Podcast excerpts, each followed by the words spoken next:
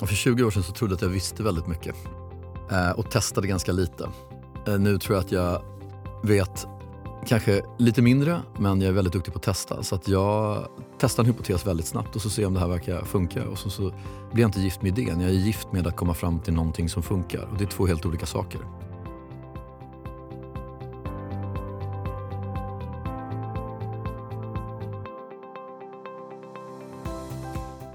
Hej allihopa och eh, varmt välkomna till en helt ny säsong av Konkurrenskraft.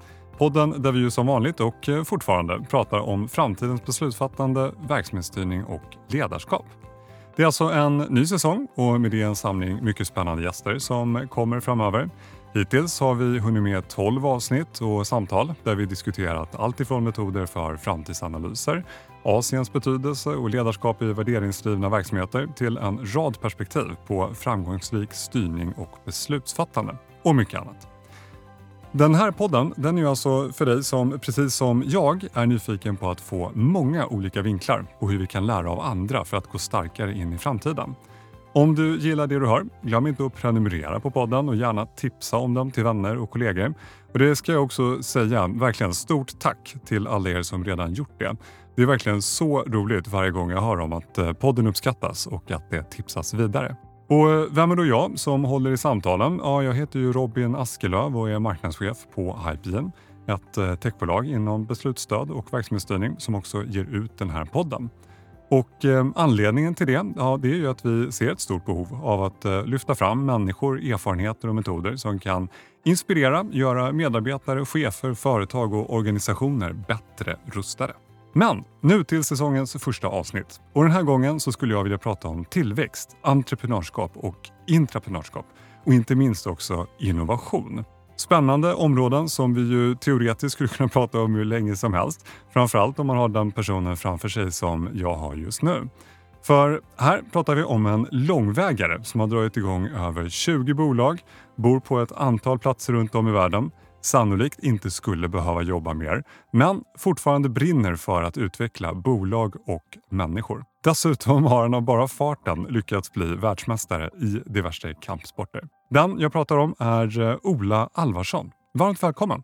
Tack så mycket, vilket trevligt intro. ja, Jag har med dig jämt här. Ja, hur står det till?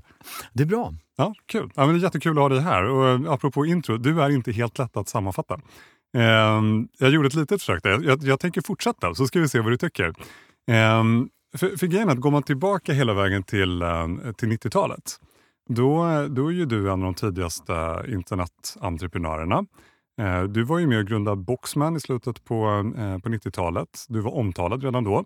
99 utsågs du till en av de tio främsta europeiska internetentreprenörerna av Wall Street Journal. Fick ett liknande omnämnande i Business Week och Financial Times året därpå.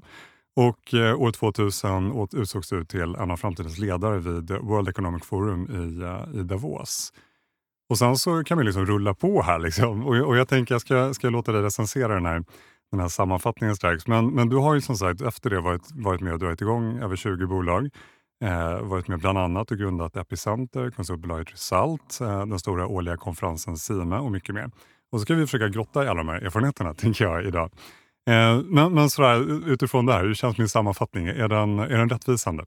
Ja, men den är rättvisande. Eh, och sen så är det så att när, när en ny industri föds, Mm. då behöver man hjältar. Och det var väl det Wall Street Journal och eh, Business Week och The Economist och massa andra letade efter. Så Mm. då var det väldigt mycket utmärkelser och ganska, lite, ganska liten verkstad. Mm, Sen dess mm. har det blivit mycket mer verkstad och mindre utmärkelser. Vi, vi kommer komma in eh, på mycket verkstad, för det, det är ju mycket det som har kommit ut från dig under de här åren, tänker jag.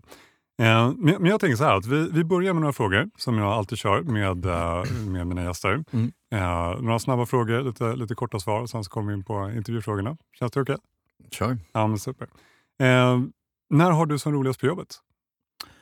När jag har flow, och det kan man ha, det är väldigt kort mellan det man tänker, det man säger och det man gör. Mm. Är du där ofta? Eh, ganska ofta. Ja. Det är olika vilka branscher man är i. Sitter man och jobbar med en stor organisation som man håller på att försöka hjälpa och göra nya saker kan det vara väldigt segt Mm. och få den här flowen. Men när man får den så får det mycket större impact. Mm. Sitter man och knåpar på sin egen eh, nya startup, då, då liksom det, det är flown där instantly men det kanske Mm. aldrig blir av. Mm. Ja, jag förstår. När, eh, eller om vi tar det senaste året, eh, vad är du mest stolt över under de senaste 12 månaderna? Att min dotter inte är rädd för något. Hon är sex pass gammal. Jag har nästan aldrig sett rädsla i hennes ögon. Okay. Och när hon sen inte är rädd så kan hon hjälpa folk som är rädda. Ja. Och Det är skithäftigt att se det. Ja, fantastiskt. Mm. Om man tittar framåt då, så tänker man om eh, tre år. Vad tror du att du är mest stolt över då? Jag hoppas att jag är mest stolt över att jag kan se klart och långsiktigt trots Mm. att det är jäkligt speciella tider just nu. Mm. Och istället för att ifrågasätta människors strategier och vad man verkligen tror på, eh, så hålla fast vid dem Mm. och bygga långsiktigt. Eh, och de som gör för tvära kast nu kommer ångra det om tre år. Mm. Men stor jag kommer säga. Det här Mm. såg jag redan då, Ja, förhoppningsvis. exakt. med stolthet i rösten. Ja, men intressant. Och, och sista frågan innan vi kommer in på, på intervjufrågorna. Här då. Jag, jag tänker på, på det här med inspiration. Det brukar jag alltid fråga om. Var, var hittar du inspiration? För du jobbar ju själv mycket med att inspirera andra. Dels har jag förmånen att vara ute och hålla föredrag mycket. Och Då sitter man ofta och lyssnar på de andra föredragshållarna. Mm. Så att jag lär mig väldigt mycket på, eh, på arbetstid. så att säga. Sen har vi på Epicenter har vi kanske 400 olika events Mm. med massa spännande människor som kommer. Så jag lever i en sån lärande miljö. Jag brukar tänka när jag vaknar på morgonen, undrar vad jag kommer lära mig idag, undrar vilka jag kommer träffa idag. Så har jag det hela tiden på mitt eget kontor. Mm. Så där plockar jag upp väldigt mycket kunskap och inspiration. Mm. Men sen blir jag inspirerad av folk som gör andra saker. ehm, än att göra samma sak som en annan affärsledare gör, fast Mm. lite bättre. Folk Ja, som just gör helt andra saker kan vara väldigt inspirerande.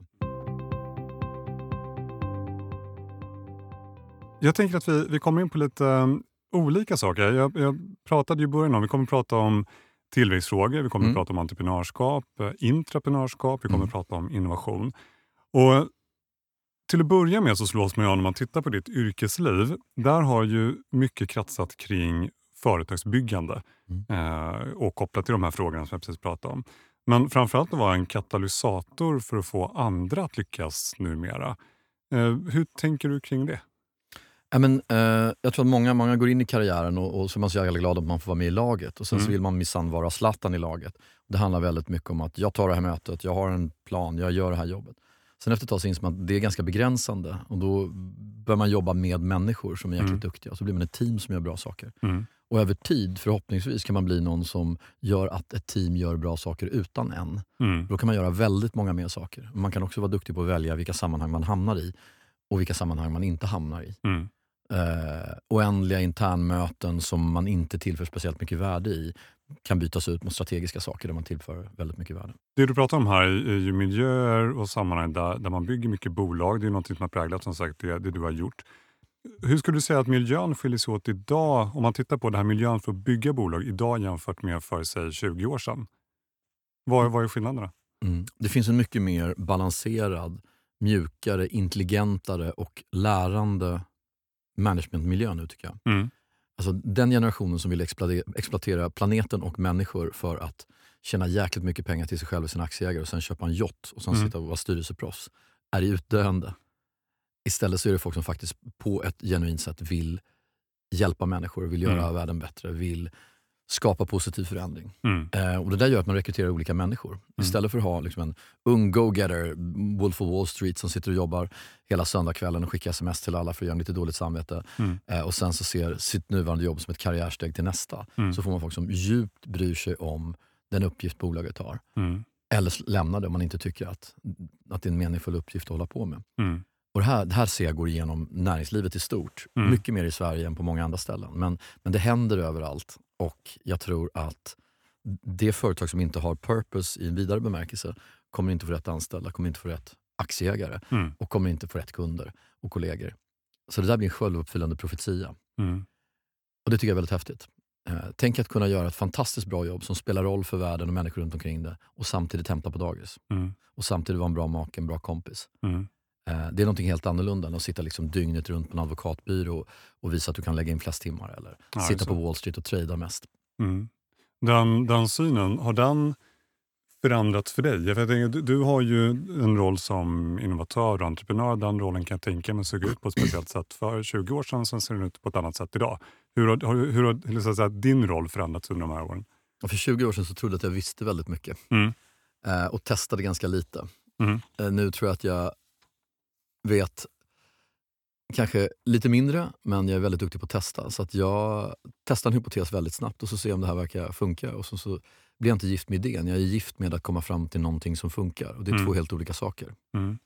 Ehm, och Då söker man en idé som löser det problem du vill göra snarare än att den idé du kom på försöker du kämpa för med näbbar och klor. Mm. Men sen hade jag en ganska speciell bakgrund. Dotcom-boomen så var, blev jag då en fixstjärna. Jag var i World Economic Forum. Jag träffade alla då mina husgudar, Mm. eller mina, mina idoler. Man fick liksom träffa Bill Gates eller vad det nu var för, för, för affärsledare. Och helt plötsligt Jeff Bezos och vad det nu var. Och så Mm. helt plötsligt fick man se så här, okej, jag trodde att jag ville bli som dem, Mm. men jag vill vara som jag är. Mm. Men fortfarande kunna skapa och bygga och så vidare. Mm. Eh, och Det var en ganska tidig realization. Och sen förlorade jag liksom allting jag hade på pappret. 99% av vad jag ägde Mm. eh, under dotcom-kraschen. Och då kändes det rätt bra ändå. Så att det som jag trodde var jätteviktigt, eh, mäktiga positioner och status och titlar, eller var, som de flesta unga i karriären tror, Mm. och massor med pengar, det var inte lika ballt som jag trodde. Mm. Men det var lika ballt att ha en idé och tillsammans med ett gäng förverkliga den.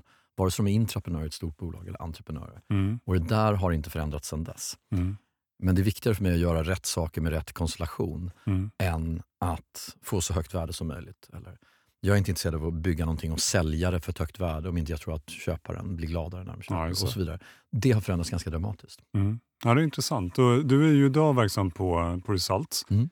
Eh, och, ehm, det är ju ett konsultbolag som ni startade 99. Mm. Eh, och eh, vad jag har läst mig till, ni, ni har ju hjälpt hundratals bolag att, att växa. Mm. Eh, och då är det ju fokus på att växa snabbt internationellt, innovera snabbare. Och sen är det ju då också Result i praktiken, du och ett antal partners som har dragit igång eh, det här entreprenörshuset Epicenter Mm. i Stockholm. Eh, som ju också fokuserar på, på snabbväxare, så kallade scale-ups. Men jag tänkte att vi bara börjar med, med Epicenter. Så, Mm. så fyllde ni eh, fem år precis, eller hur? Ja. Alltså Res- Result, om man, om, man, om man tar det, där är jag då styrelseordförande, det finns en duktig VD, Mahesh Kumar. Mm. Eh, där har vi sedan 99 hjälpt scale-ups växa snabbare. Mm. Alltså det skulle vara Blocket in i Finland. Eh, eller eh, Google in i Sverige på den tiden det begav sig. Mm. Så vi har jobbat med 300 bolag där vi fått jobba bredvid de som är bäst i klassen Mm. på någonting och hjälpa dem in i nya marknader. Och du bara för lyssnarna, kan du inte bara definiera en scale-up i förhållande till en Ja, startup? en scale-up, till skillnad från en startup, det är Finns det någon som gillar den här idén? Finns det product market fit? Ja Mm. eller nej? Och Sen testar man det. Finns det också en ekonomisk modell som gör att det här är viable? Och ungefär 4% av alla startups omsätter 5 miljoner kronor eller mer efter tre år. Mm. 0,4 omsätter 100 miljoner efter fem år. Och en scale-up finns olika definitioner, men för någonstans mellan 20 och 50 miljoner i omsättning, någonstans upp mot en 20% eller mer i eh, försäljningsökning varje år, Mm. då har du helt plötsligt en scale-up. Mm. Och deras behov är ju helt annorlunda. Hur kan vi göra mer av det här som går så bra på flera platser, eller med flera produkter, eller med flera geografier, eller vad man nu vill göra för någonting. Mm. Men startupens, startupens uppgift är, funkar det här? Och då vill man testa det så billigt och snabbt som möjligt och ändra tills det faktiskt funkar, eller lägga ner. Mm.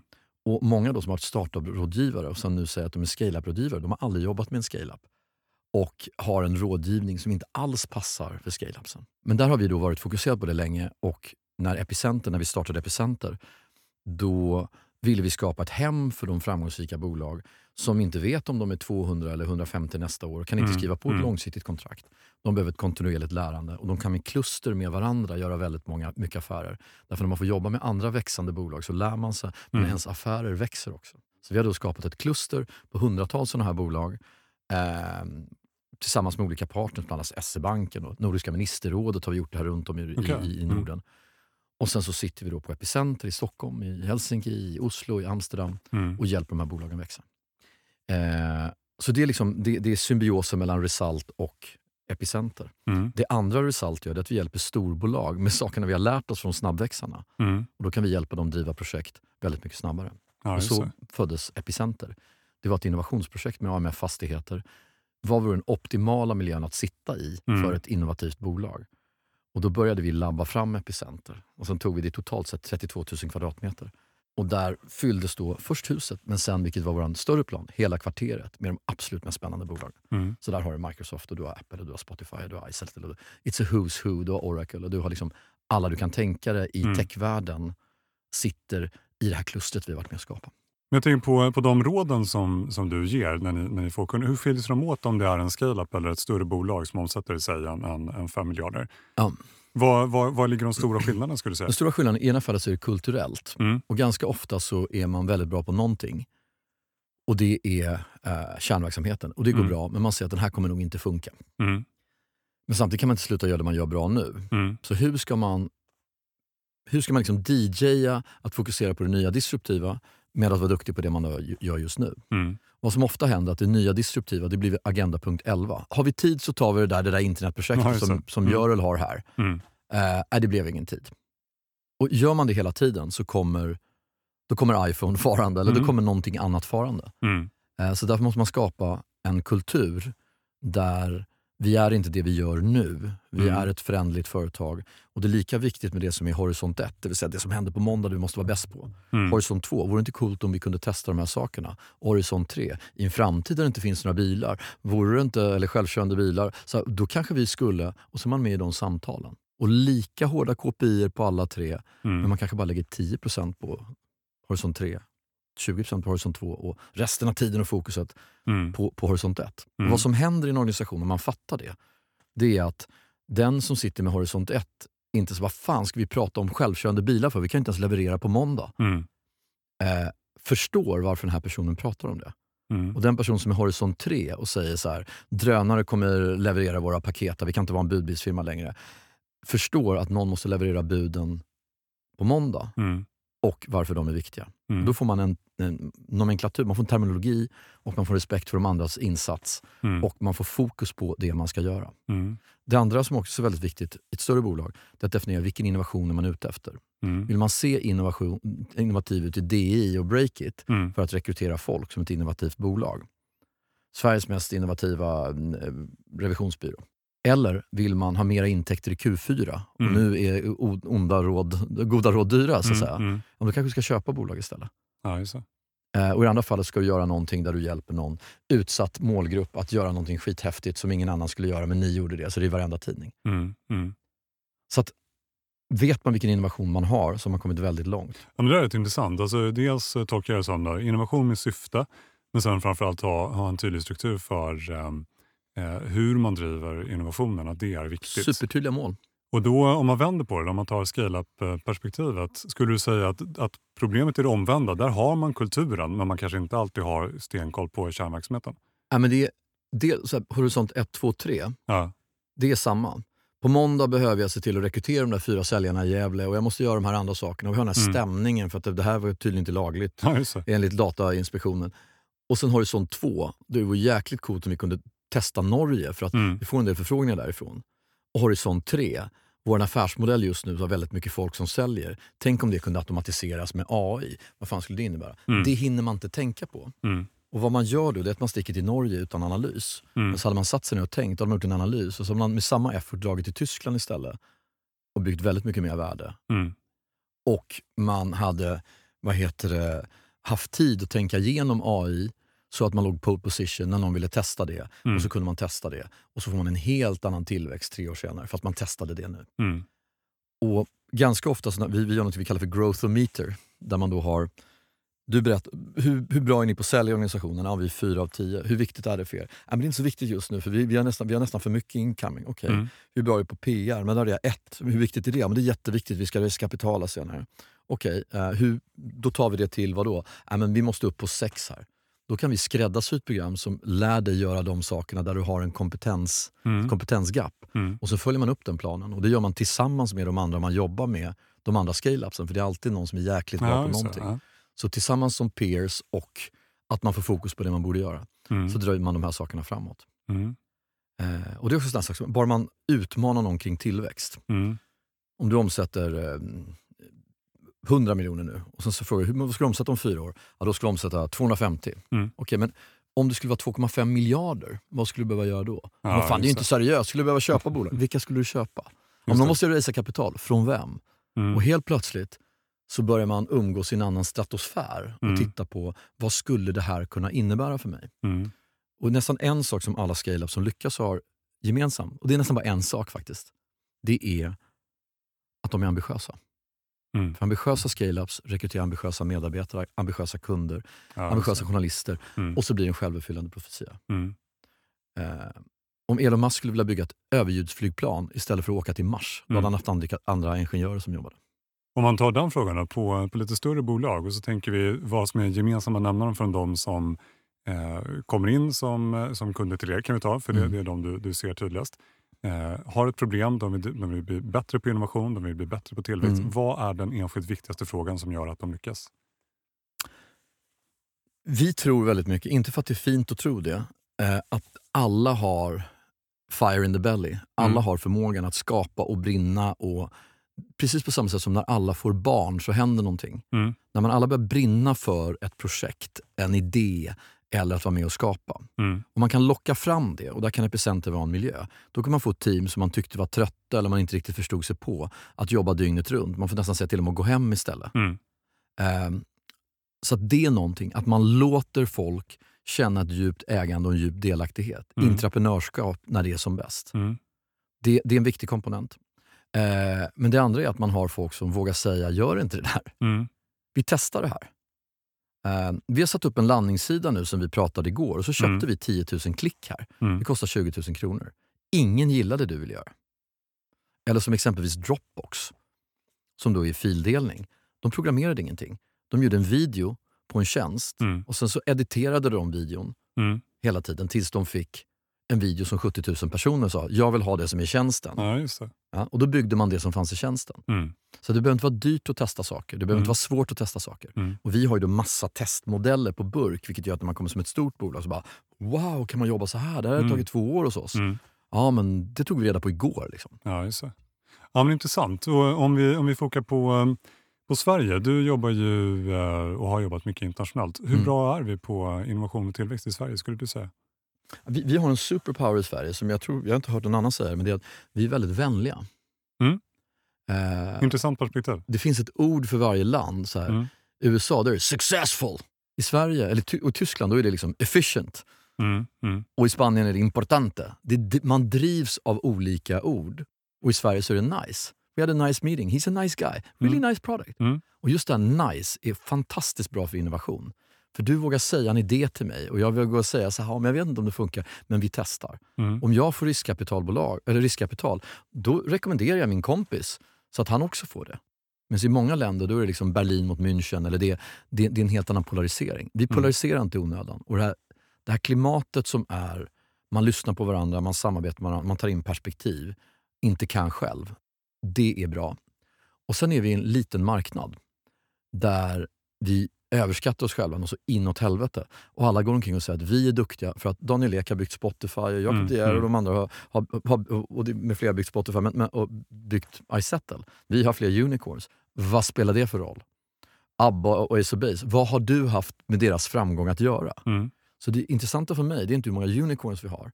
Det är hur många bra, bärkraftiga bolag vi kan bygga som skapar en ny stark svensk ekonomi. Mm. Och därför är scale-upsen at large viktigare än några unicorn. Just det. Och som politiker, om man förstår det.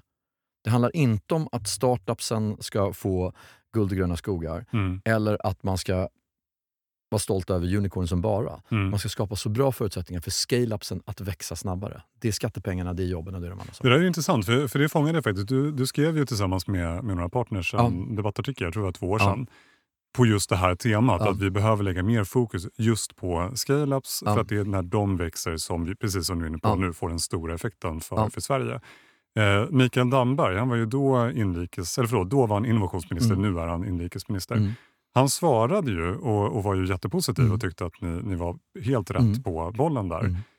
Vad har hänt sen dess? Nu är det visserligen bara två år, men, Nej, men har du sett jag, några, jag några initiativ? tycker att både han men även andra politiker förstår att det finns en skillnad nu mellan startups och scale-ups. Så där Mm. tycker jag, det är lite stolt över att vi faktiskt var en ganska Mm. viktig Nej, men del det är av det. distinktion. Eh, och vi har, liksom, vi har varit med och utbildat tror, 3000 scale-ups i olika scale-up-teknologier och så vidare. Eller scale- scale-up-metoder. Eh, och eh, problemet med, som politiker, det är att man ligger väldigt långt från att förstå hur de här byggs. Mm, så ibland kan mm. det vara så här, nu har vi gjort det enklare för småföretagare, vi förenklar momsdeklarationen. Det struntar ju liksom Jakob De Geer när han ska starta sitt nästa bolag. Mm. Han löser momsdeklarationen. Eller? Eller, eller man startar inkubatorer i Angards Hästra under Mm. folkhögskolan och nu jävlar ska vi bli liksom Smålands Silicon Valley. Det blir inte så. Mm. Det finns ett annat system som skapar framgång. Och det är tragiskt men det är sant. Mm. Så att vore jag politiker skulle jag betta mer på de vinnande hästarna. Och se till att frigöra mer utrymme och mer resurser för de som igen och igen och igen visar sig vara bäst på att bygga värde, Mm. jobb, business. Mm. Det gör man i Israel. Men det är väldigt elitistiskt och det passar inte den svenska, den svenska nicenessen. Sen kan man göra andra saker som inte är av värdeskapande. Alltså direkt, av finansiella skäl. Mm. Och Då handlar det om hur skolan förhåller sig till entreprenörskap. Mm. Vilka lärare som faktiskt får vara lära ut entreprenörskap. Mm. Hur man får spela fotboll från det att man är sex och sju år. Varför får man inte bygga bolag? Var finns den satsningen? För Mm. att Det tror jag kommer vara framtidens motor. Mm. Och Det handlar inte om, eh, och det vill jag poängtera, det handlar inte om vänster eller höger här. Mm. Det handlar om att finns det inte bärkraftiga bolag så finns det ingenting att fördela, vare sig du är vänster eller höger. Mm. Eh, och Det känns som att i samhällsdebatten och i den politiska debatten så, så går liksom ekonomins motor förlorad lite grann. Man förstår perifert, men man förstår inte riktigt. Mm. Ja, men det där är intressant och det, det där är definitivt någonting som, som jag tror många är intresserade av att följa framöver. För att den utvecklingen när man inte bara ska fokusera på unicorns och man ska inte bara fokusera på, på startups utan Nej. det finns det här stora segmentet emellan. Ja. Eh, den, den är Men där superintressant. är sådana som exempelvis Microsoft. Mm. Eh, tycker jag. De startar något som heter Microsoft Reactor, Google som heter Google, eh, Google for Entrepreneurs. Mm. Och de går in och, alltså pro bono, eller utan att ha ett tydligt jag vill sälja någonting till dig perspektiv och hjälper bolag växa. För Mm. gör de det så växer hela pajen för alla. Ja, just det. Precis. Eh, och Det är ett häftigt typ av samhällsansvar som, som vi är Ja. jätteglada att vi får Ja. vara med om. Ja, intressant. Du, jag tänkte vi skulle prata lite om eh, intraprenörskap Mm. också. Du, du nämnde det tidigare. Eh, för, för en entreprenör, du är ju ofta tillväxt eh, såklart en, en viktig drivkraft. Eh, men för intraprenörer, vad, vad skulle du säga är, är drivkrafterna för, för dem? Och vad, vad är dina tankar också kring entreprenörskap som en tillgång i, eh, i bolag? Men jag tycker intraprenörskap och entreprenörskap är samma sak. Mm. Jag skrev en bok och skulle skriva om entreprenörer. Jag intervjuade Richard Branson och massa pengar. Jag åkte omkring Mm. med det där. Och så man insåg att de viktigaste entreprenörerna i världen, det är de glömda entreprenörerna. Det är intraprenörerna. Det är du där du sitter på ditt jobb och kommer på jäkligt bra idéer. Men Ja, du har aldrig gjort så här tidigare. Mm. Och det står inte i din arbetsbeskrivning. Men på något sätt får det att hända, trots allt. Mm. Du är beredd att sno kontorsmaterial hemma för att ta med dig till jobbet. Men Mm. det här ska bli allvar. Mm. Och så blir det det. Och då har ditt bolag 2000 butiker runt om i världen som helt plötsligt får det här. Och sen så blir världen lite miljövänligare på ett sätt som inte hade blivit om du hade startat ett startup och sålt Mm. det här i Sverige. En startup-entreprenören får pengarna och applåderna och allting annat. Medan intraprenörerna inte får den cred de behöver. Mm. Jag tror att alla har det intraprenörskapet i sig. Jag kan bara ta ett exempel. Mats Hedros han är vd på AMF Fastigheter. De har fastigheter i stan, de har gallerian och de har liksom Mm. fältöversten och allting. Han tog upp mig på taket på kvarteret vid Malmskillnadsgatan, Mäster Samuelsgatan. 500 000 kvadratmeter. Vad skulle du göra om du vill göra det här till Woodstock? Om det här är Mhm. någonting som folk kommer prata om långt efter du och jag är verksamma Mm. och vi har ju haft positiv impact i samhället. Då ska, men då skulle jag göra ett hjärtat för det digitala undret här i Sverige och Norden. Mm. Mm. Och jag skulle skapa en tummelplats för entreprenörer och intraprenörer. Mm. Vad häftigt sa han, det borde vi göra. Och sen så skapade vi Epicenter. Och Mm. när han kommer upp första gången, då har då Nordea flyttat ut från 30 000 kvadratmeter eller vad det nu Mm. är. Mm. Swedbank har flyttat ut, det gapar tomt. Eh, Malmskillnadsgatan har lite dåligt rykte. Mm. Det här är fem år sedan. Och så går han upp till sin styrelse och det är pensionspengar. Så säger han, vi ska ha medlemmar, vi ska inte ha långsiktiga hyreskontrakt. Mm. Mm. Eh, vi ska jobba med någon som aldrig varit i fastighetsbranschen tidigare, men de verkar vara jättesmarta. Mm. Eh, och eh, det här kommer bli hur bra som helst. Så vi måste bygga om allting också, Mm. by the way. Mm. Eh, Slussen tog det tio år liksom här, Ja, massa tillstånd, men vi behöver vara färdiga på tre månader. Men det här har blivit liksom en, en fantastisk framgångssaga Mm. där eh, husen är mm, mycket mer värdefulla, drar in mycket mera och eh, det här är Nordens exklusivaste område. Mm. Eh, och mest spännande skulle jag vilja säga också. Och det Mm. händer jättehäftiga saker. Och det här Mm. får ju återverkningar på liksom, Modgallerian och kvarteren där Ja, omkring det. och allting sånt där. Det. Men det är framförallt ett exempel på en modig ledare som ser något, tror på det Mm. och struntar i vad man har gjort tidigare. Man vågar utmana valda sanningar. Andra intressanta exempel. Och jag tänker om vi har, vi har en, em, en VD eller en person i en, i en eh, ledningsgrupp som, som sitter och, och lyssnar här. Vad, vad hade du sagt till dem? Hur ska de förhålla sig till entreprenörskap och, och potentiella entreprenörer i bolaget? Och framförallt, hur skapar man förutsättningarna för dem att, att lyckas? Och det- jag, jag gillar att använda musikbranschen som en, eh, som en metafor. Mm.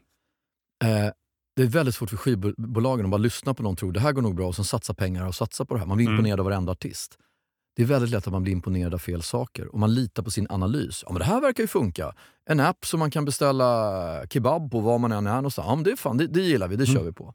Man har ingen aning Mm. och ingen vet. Så därför måste man ha en testmentalitet och man måste göra det tillsammans med någon som kan, någon som måste, någon annan. Så att man kan säga, här finns ett antal områden som jag är intresserad av att ha innovationer inom. Mm. Vad finns det för andra där ute som redan har löst det här? Mm. För ofta finns innovation i två stycken lådor. Antingen de smartaste människorna jobbar inte hos mig i hela världen, så någon Mm. annan har varit ännu smartare och kommit på det här borta. Det finns redan i Hongkong. Viktklubb fanns redan där, det funkar bra. Schibsted tar det, översätter det, så har man viktklubb. Mm. Så, här. så kan man göra. Men då måste man ha fokus på vad letar man efter och någon kan hjälpa en att hitta de sakerna. Och Så kan man testa det i en testmiljö, Epicenter eller någon annanstans, men inte i det vanliga immunsystemet. Mm. För då kommer någon att kräkas på det här med en gång. Mm. Det är inte riktig journalistik, säger någon. Om- Om liksom chefredaktören får. Mm. Det andra är de som sitter nära problemet varje dag. Varför kan vi inte göra på det här sättet? Alltså en medarbetare eller någon annan. Och finns det ett forum där de kan få stöd och utveckla saker och ting och man dessutom kan broadcasta saker som funkar så att alla känner att det är en del av deras jobb. Mm. Man har en möjlighet, man har till och med en skyldighet att vara med och tänka kring hur vi kan göra saker bättre. Mm. Och det finns ett forum för det. Schibsted har gjort det här jättebra. De skapar entreprenörer, någon kommer på Omni. Visst, då får de sitta och jobba med det. Och sen så får de en, en, en, en, en tollgate där de säger nu är ni Omni och så kör de som 17. Eh, och då vill en- entreprenörer vara i Schibsted och de Mm. vill stanna kvar. Mm. Medan då eh, finns många andra mediebolag som har gjort raka motsatsen. Där är chefredaktören, där är the real guy, så jag är ingen jävla Ja, just bloggare. Eh, och sen så, så följer man med liksom skeppet ner. Jag tänkte vi skulle byta spår, Mm. eh, helt och hållet faktiskt. Eh, visserligen håller vi oss kvar i, i de frågorna vi har pratat om, men jag tänker att det finns um, en ledarskapsdimension i det här också. Eh, och ehm, något som, alltså jag tänker det här med alltså, vilken typ av ledarskap som är viktigt för att det här ska hända och för att man ska, ska lyckas. Så då, då när jag har lyssnat på andra intervjuer med dig så, så har jag hört att du pratar ju ofta om självledarskap Mm. och betydelsen av det här med hur man pratar med sig själv. Mm. Det är ett spännande område. Det är något jag själv tycker är, är, är klart intressant. Men jag tänkte bara få, få dina reflektioner till att börja med. När du pratar om just den här betydelsen av att prata med sig själv och så där. Kan du bara utveckla det lite? Vad, vad är det du tänker då? Ja, jag, kommer från en ganska udda bakgrund för att vara eh, svensk.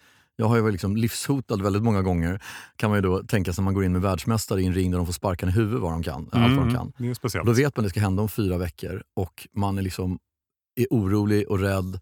Och man får inte äta för man ska ner i rätt viktklass och man får stryka de större killarna i laget liksom varje dag. Mm. Och jag har levt 10-15 år misshandlad, utan mat och rädd. och man får inte ens säga att man är rädd för man är Nej. tuff kickboxare. Mm. Eh, och det har de flesta svenskar inte gjort. Man måste hantera sina egna känslor. Och Det gör man genom att prata med sig själv. Och sen när man väl börjar förstå hur det fungerar och Mm. att hjärnan är plastisk. Den tanke du tänker är lättare att tänka igen. Mm. Jag är ful. Då är det lättare att tänka jag är ful igen. Eller när någon tutar till dig i trafiken, jag ska döda Mm. den jäveln. Då låter du alla i hela världen som kör dåligt, som råkar stöta på dig, du ger dem mandat att göra dig arg. Och Då kan man börja leka med eh, hur den interna konversationen ser ut. Och efter ett tag, när man mognar i den tanken, förstår man att man är self-authoring, man är författare till sitt eget liv. Mm. Och när man är det, då blir man inte rädd längre. Och man kan se situationer med en distans som många inte kan göra, som fastnar i det. Nu är det corona, nu kommer allt gå åt helvete. Mm. Utan man kan ta ett steg ifrån det och titta på den situationen. Och då är man vd för sina egna känslor, så man får massa förslag. Mm. Fan, eh, we're all gonna die! Tack för det. Panikministern har sagt det här. Tackar. Mm. Jag är vd, jag ska ta in det men sen ska jag fatta beslut sen. Mm. Mm. Och när man väl då förstår att man kan styra sina känslor men att man samtidigt ly- lyssnar på dem. Då har man en annan mognad som självledare. Mm. Och Då striv, drivs ett ledarskap inte av att jag vill visa mitt ego, eh, att det är en politisk situation i rummet. Utan då kan man möta någon på den kommunikationsnivå där man faktiskt vill prata med dem. Ja. Jag vill säga det här till dig för att jag vill att du ska veta det här. Mm. Inte för att jag ska visa att jag är bättre än vad du är eller för att...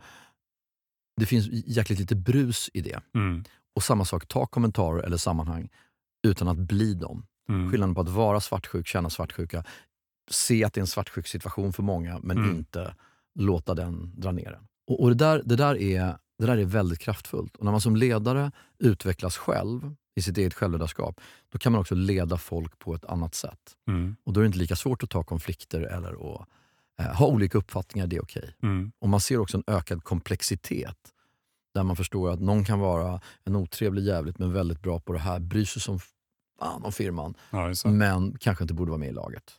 Nej. Och, så, så man, man kan se det på ett annat sätt, det blir mycket mindre svartvitt. Mm. Och jag tänkte, det, det du är inne på nu, om man kopplar det också till, till det vi pratade om Mm. tidigare, så många av de här grejerna du varit inne på är ju områden där det bor potentiellt väldigt mycket rä- rädsla. Ja. Eh, man behöver ta nya kliv, man ska testa Ja. nya saker. Du var inne på innovation med ett syfte.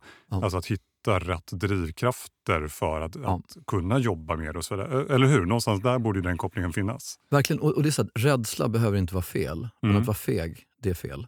Mm. Och en rädsla och en, en fegis och en hjälte, de känner samma sak. Mm. De gör olika saker. Så du kan tycka att det känns jäkligt jobbigt att gå upp och hålla föredrag för tusen personer. Men då går du ut och så går du upp och acear det. För det är Mm. det du ska göra. För det handlar inte om dig. Det handlar om att du ska ge de här människorna som ger dig sin attention Mm. precis den kunskap de vill ha och kanske lite mer. Mm. Det är det du ska triggas av. Och när du hittar det mantrat, då försvinner din egen, ditt eget ego och din egen rädsla. Och så går du ut och gör det för dem. Mm. Och då har du hittat ett mantra som funkar för att du inte ska vara lika nervös när du håller tal. Ja. Och de förhållningssätten som du är inne på, på nu, är det sånt ni också jobbar med Det gör i vi de här aktivt, processerna? ja. Ja. ni gör det? Från det att man börjar i vår gruppering så, så har vi Ja. då eh, självledarskapsmodeller eh, som vi jobbar med.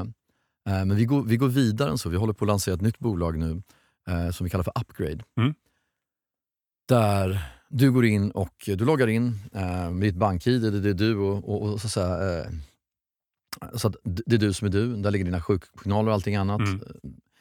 Och sen så fyller du i hur du mår och hur du skulle vilja må med avseende på vad vi kallar en upgrade-plan. Okej. Och upgrade-planen, där eh, kan du berätta närmaste tre månaderna, eller man kan sätta den på sex eller två vad man vill. Mm. Skulle jag vilja äta så här, jag skulle vilja träna så här, jag skulle vilja sova så här, jag skulle vilja vara snällare mot mig själv, jag Mm, skulle vilja göra de här livsstilsvalen, röka mindre, inte käka socker eller vad det nu är för någonting. Och sen tar du ett blodtest. Och det blodtestet feedar in din, din fysiska data och vad du är nu. Mm. Och Sen följer vi dig genom den resan, eller plattformen gör det. Mm. Och Sen tar du ett test igen om tre månader. Och så ser man vad som har hänt in i din kropp och dina livsstilsval och din träning och sömn. Okej. Och inför varje sånt där område så har vi då klustrat de bästa apparna, gadgets, du kan få göra det med andra människor. Vi har Mm. en upgrade studio där du kan få lära en jäkla massa saker. Eh, och vi tror att vi på teamnivå, men HR-chef kommer till oss och behöver hjälp med säljteamet. Mm. Då tror jag att vi kan visa säljresultat, sjukfrånvaroresultat, men framförallt att personen blir jäkligt glad att man nu har nått de målen som man, skulle vilja göra. Eh, och en av dem är, det, det är hur man pratar med sig själv. Ja. Det är hur man hanterar stress. Vi eh, kommer gå vidare till Mm. sista delen Mm. i, eh, i intervjun. Vi kommer börja runda av. Det har varit superintressant. Eh, och, jag har tre frågor som jag ställer till, eh, till alla gäster Mm. eh, som sammanfattar lite det, det vi har pratat om egentligen. Och det leder tillbaka till titeln på hela, hela podden som är framtidens eh, beslutsfattande, verksamhetsstyrning och, och ledarskap. Mm. Och då, sett från ditt perspektiv, vad skulle du säga är en eh, framgångsfaktor för framtidens beslutsfattande? Mod. Det är inte en intelligensfråga längre. Mm. Det är mod. Nyfikenhet. Kreativitet. Eh, och att man har en högre fråga. Så på engelska så blir det courage, eh, curiosity, creativity och compassion. För det finns ett fantastiskt citat som är “without passion nothing happens, without Mm. compassion the wrong things happen”. Om vi försöker bryta loss verksamhetsstyrning från där Mm. och så tänker vi lite samma frågeställning. Det- Framgångsfaktor Mm. för, för att vara bra i, i framtiden med verksamhetsstyrning. Och jag, jag låtsas ju inte kunna verksamhetsstyrning för alla olika verksamheter, men ut- utifrån det vi gör, där det är väldigt Mm. mycket nya saker. Det är många saker som händer samtidigt, extremt snabbrörligt och innovativt. Mm. Då handlar det om att leda med värderingar och rekrytera för värderingar. Mm. Train for skills. Eh, och om man har värderingen bra pappa, då kan man hantera väldigt många eh, situationer utifrån värderingen bra pappa. Mm. Man kan inte ens hitta på situationerna, men man kan hantera dem. Mm. Likaså covid, likaså när saker och ting går åt helvete. Mm. Eller när man blir osams med någon. Då kan man hantera det utifrån värderingar Mm. som speglar den grupp man är med i, det bolag man är med i. Ja, den community. Så vi har no asshole policy på Epicenter. Mm. Om någon är oförskämd mot folk, om någon är sexistisk, om någon är rasist, om någon är, eh, går emot det vi tycker en community ska ha, då avslutar vi medlemskapet. Mm. Med buller och bång, högljutt. Mm. Därför att Eh, det vill inte vi ha i vår by. Nice. Någon annan vill ha en by när det är andra regler som gäller. Mm. Så att värderingsstyrt. Och det behöver inte vara fina värderingar, det behöver vara sanna värderingar. Mm. Sista frågan. Eh, framgångsrikt ledarskap. Mm. Vad skulle du säga där i framtiden?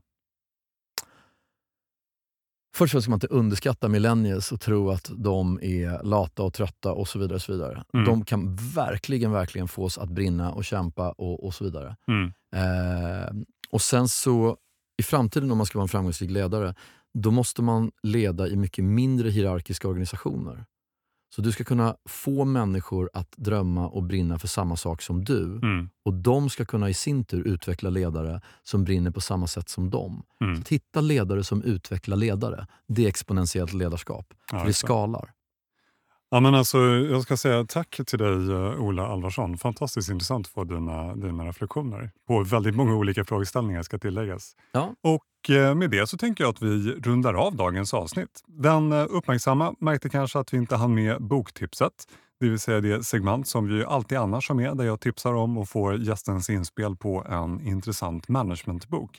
Det fanns helt enkelt för mycket att prata om den här gången. Men eh, boken jag annars hade haft med eh, hade varit eh, The Amazon Management System, the ultimate digital business engine that creates extraordinary value for both customers and shareholders av eh, Ram Charan och eh, Julia Young. Och den kan jag ju faktiskt tipsa om alldeles oavsett. Intressant läsning utlovas. Och eh, avslutningsvis, gå gärna in på hypeen.se. Där hittar du som vanligt mycket mer information om inte minst beslutsstöd och verksamhetsstyrning som ju alltså är det vi håller på med. Med det sagt så tackar jag för den här gången och hoppas att du får en riktigt bra dag.